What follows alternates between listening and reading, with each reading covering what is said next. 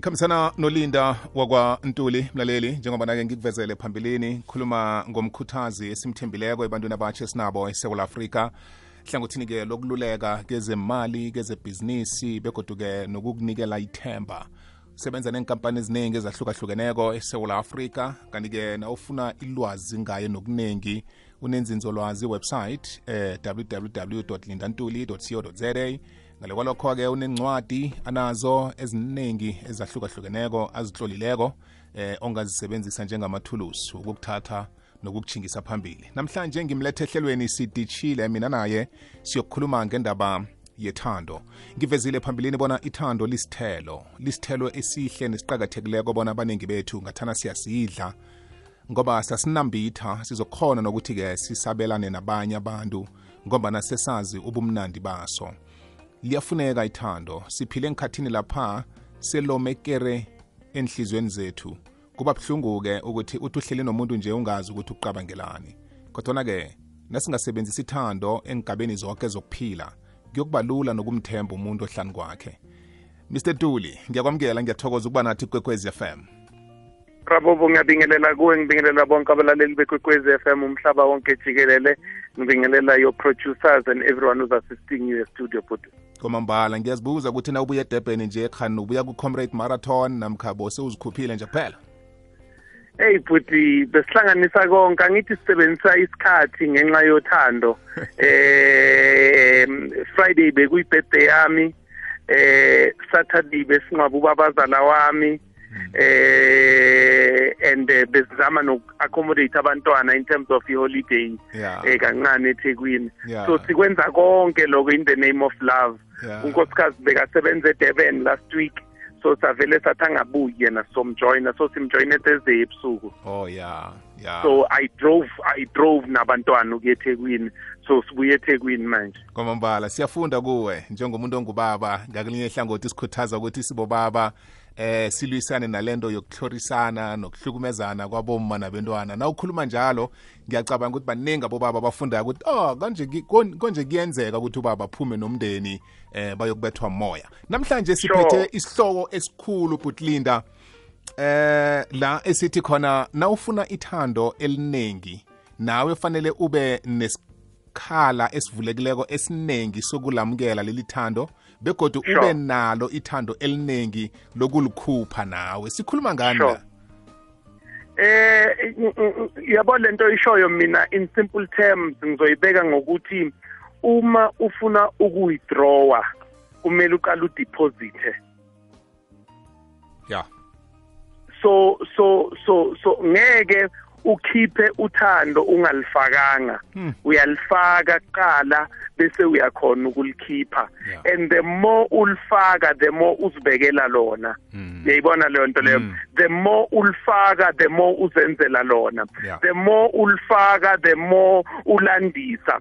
And once ilanda kuba nzima nanokuthi mase kufika iy'khathi ezinzima iy'khathi ezinzima zini-overcome nina ni-overcome iy'khathi ezinzima ngoba the time kumnandi bekumnandi kwamambala uyaybo so ngifuna ukuthi kuwo wonke umuntu kubalulekile ukuthi lento ishoyo ube ne-capacity to give as well as the capacity to receive.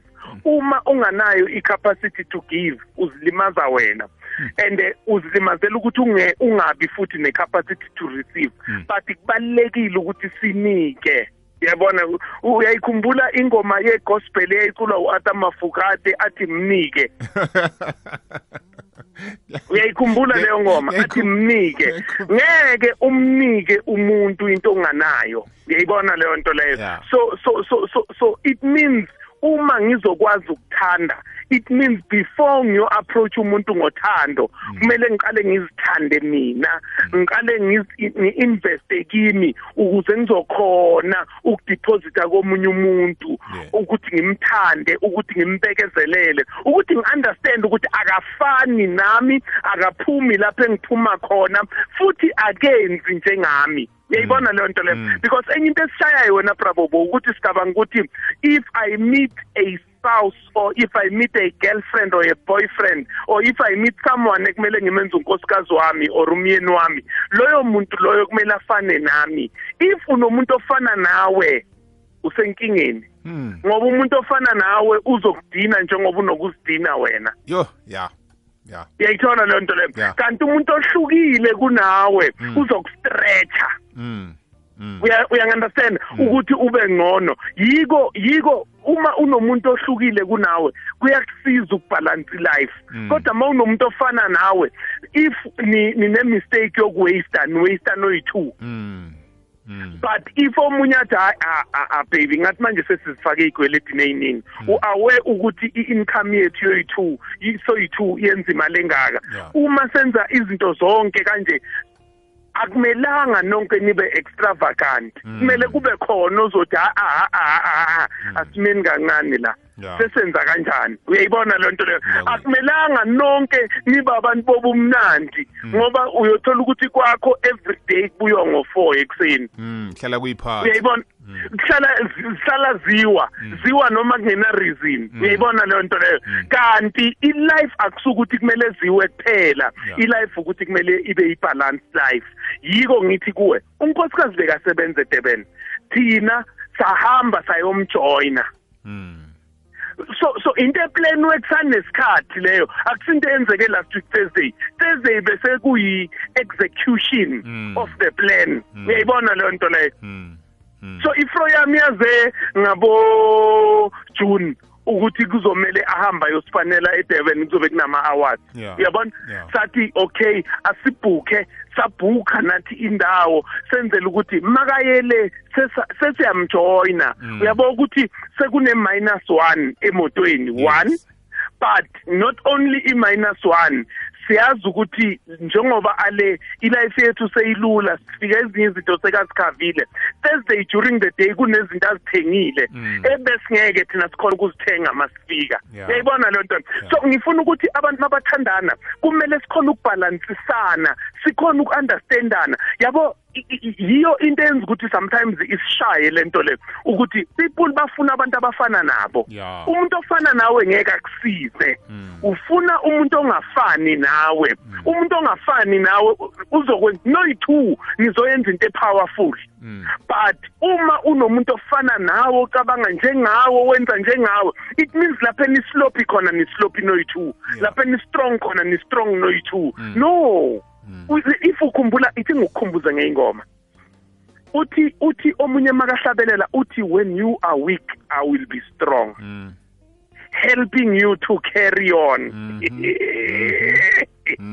so so so wonke umuntu udinga umuntu ozomenza abe strong lapha wiki khona. Uyayibona leyo nto leyo so, indaba yothando is more like an investment thing because kumele uinvest emntwini wakho. Uma ufika emntwini wakho umthola let's say mhlambe uyimanager e-call center mbuze ukuthi baby mari why ungastadishi a certain diploma? Mm. or a certain degree? Or something ezokwenza ukuthi lento yenza emsebenzini. Mm. Uyenze almost naturally Yeah. uyayibona leyo nto leyo Yeah. so we need that baba ya ya ngiyakuzwa but linda ngibawa sithengise siyabuya. Ngikhamba nolinda ntuli siyabuya mlaleli beka indlebe uJD noLady B nabahlangeneko Madiski Divas bafika kuwe ngomgqibelo ngesimbi yesithathu bazithezile zemidlalo. Ingoma ezimnandi namaxoxo azokuthabisa. Zitheziwe namadiski Divas ukwekwezi FM kukhanya ba. Ngiyibamba la ekugcineni butlinda bosayiveza khona. Kaningi haye ngizweni nisebenzisa amagama wokuthi be more to have more ngamanye amagama kufanele uzithuthukise ngendlela ongakhona ngayo ukwenzela ukuthi ukwazi ukuba nezinto ezithuthukileko neziningi eh ofuna ukuba nazo empilweni sengiyithabululela nemndeni nethu sibabantu ngoba abanye abantu uthola ukuthi bantwana eh bomuntu abazwani namkhabayalwa bayalwa namkha babelethi abazwani nabentwana. Ithando nje alikho la ekhaya ukuba umndeni onethando nothuthukileko kufanele sizifundise ukuzithuthukisa ngokwehlala kuhle ukuthi umndeni othabileko umndeni onjani. Yes sir. Yes sir. Ya- yabona lento ibuzayo it's so powerful bravo because abantu abaningi bayithatha kancane indaba yothando. Uthando aluzenzakaleli ya mawubona abantu bathandana uzo uyithanda indlela bathandana ngayo. Wena it's only what you see. But lento ibonayo isetshenziwe ukuze ivele the way evela ngakhona. Yes. Yes. So ngeke unike into ongenayo Ah, ah. okokuqala. Yo. You can't be kinder or you can't even be kind. Ukuthi you've never practiced ukuba kind. Yeah. Yabo uyabo mina nginokuthi if ufuna ukubona umuntu ukuthi unjani mbheke the way atreata ngakhona iwaiter maniphumile. Yes. Because indlela atreata ngayo iwaiter indlela azokutreata ngayo nawe masekakwatile. Ah. Ah. Al- al- allow me sakhuluma ngale ndaba yothando. To go back to i-clip engiyishere ku-tiktok yeah ethi tha the ti to two Mm. thandanani thembanani thintanani thokozani bese niyathuthuka yo. yayizwa lento yeah so uthando must be at the center yenu. Mm.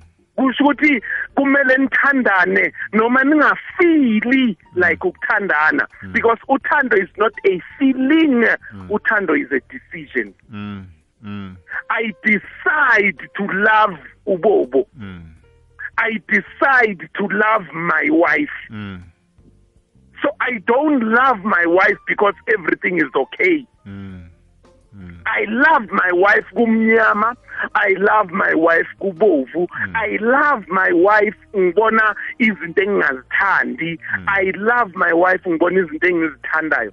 So it's an intentional thing ukuthanda. Wow ngilento engiyikhulume nangisadlala ingoma ezimnandi zomlaleli ngithi yazi uzimu wenza enye ifihlakalo.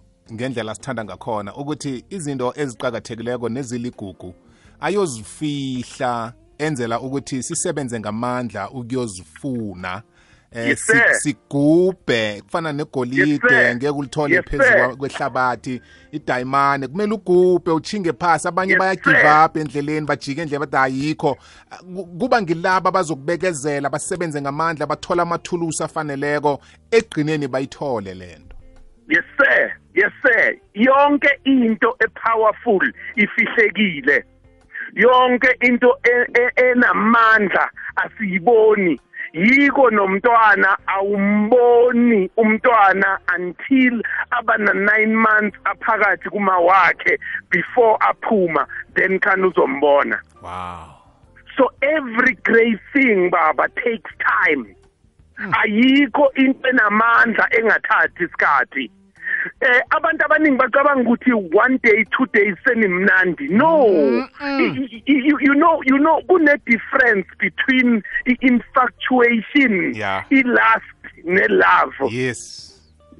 Kukhona ukuthi umuntu umbheke umhalele Mm. there's a difference between ukuhalela umuntu nokuthanda umuntu. Mm, mm.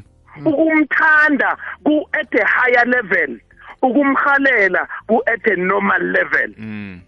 because anyone angahalela anyone. Mm. Mm. ene ene akusho ukuthi ngoba abantu bayahalelana they can't produce results. They will produce results. But indaba isekutheni kungaba ne-sustainability na? Ey.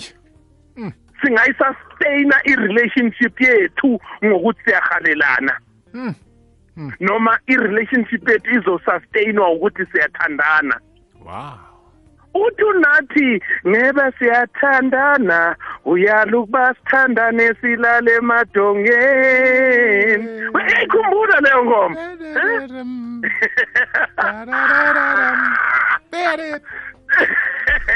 So, so, so, so here's the thing here's the thing. Uma sizothandana kumele si-understand ukuthi uthando is a decision. Yes. Uthando is not a feeling. Yes. If bekuthiwa impilo iphila ngama-feelings baba angabe mina ngisana nkosikazi. Ah. Because i've been married to this woman uh, for the past and now it's close to 19 years. I met my wife 20 years ago. on the 10th of October. Hmm. And I am not even regretful of my decision yeah to say, this is the woman. yeah yeah I will marry her. yeah I will take her down the aisle. Yeah. I will give her i-life engcono kune-life ekadanayo kubo. yazi futhi linda isikhathi indo, indoda nendoda umsebenzi wayo uku-improve yes. Yes. Yes. If you cannot improve her ungamsondeli. Yeah yeah yeah yeah yeah. Because kahle kahle ma ngithi ngiyakuthanda Ah. it means i'm taking your life to the next level. Hey hey hey hey hey hey ngathi singabuyisela isikhathi emuva. Ayikhona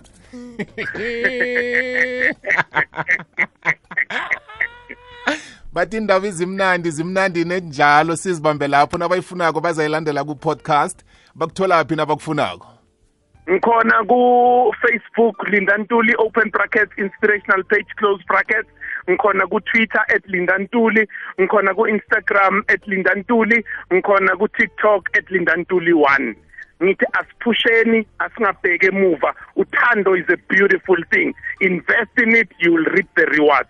Thank you. Thokozile uzima kwenzele kuhle kukho-koke danke futhi. Kwamambala ngulinda ntuli mlaleli umzwile ukuthi uzamtholaphi ukunikele.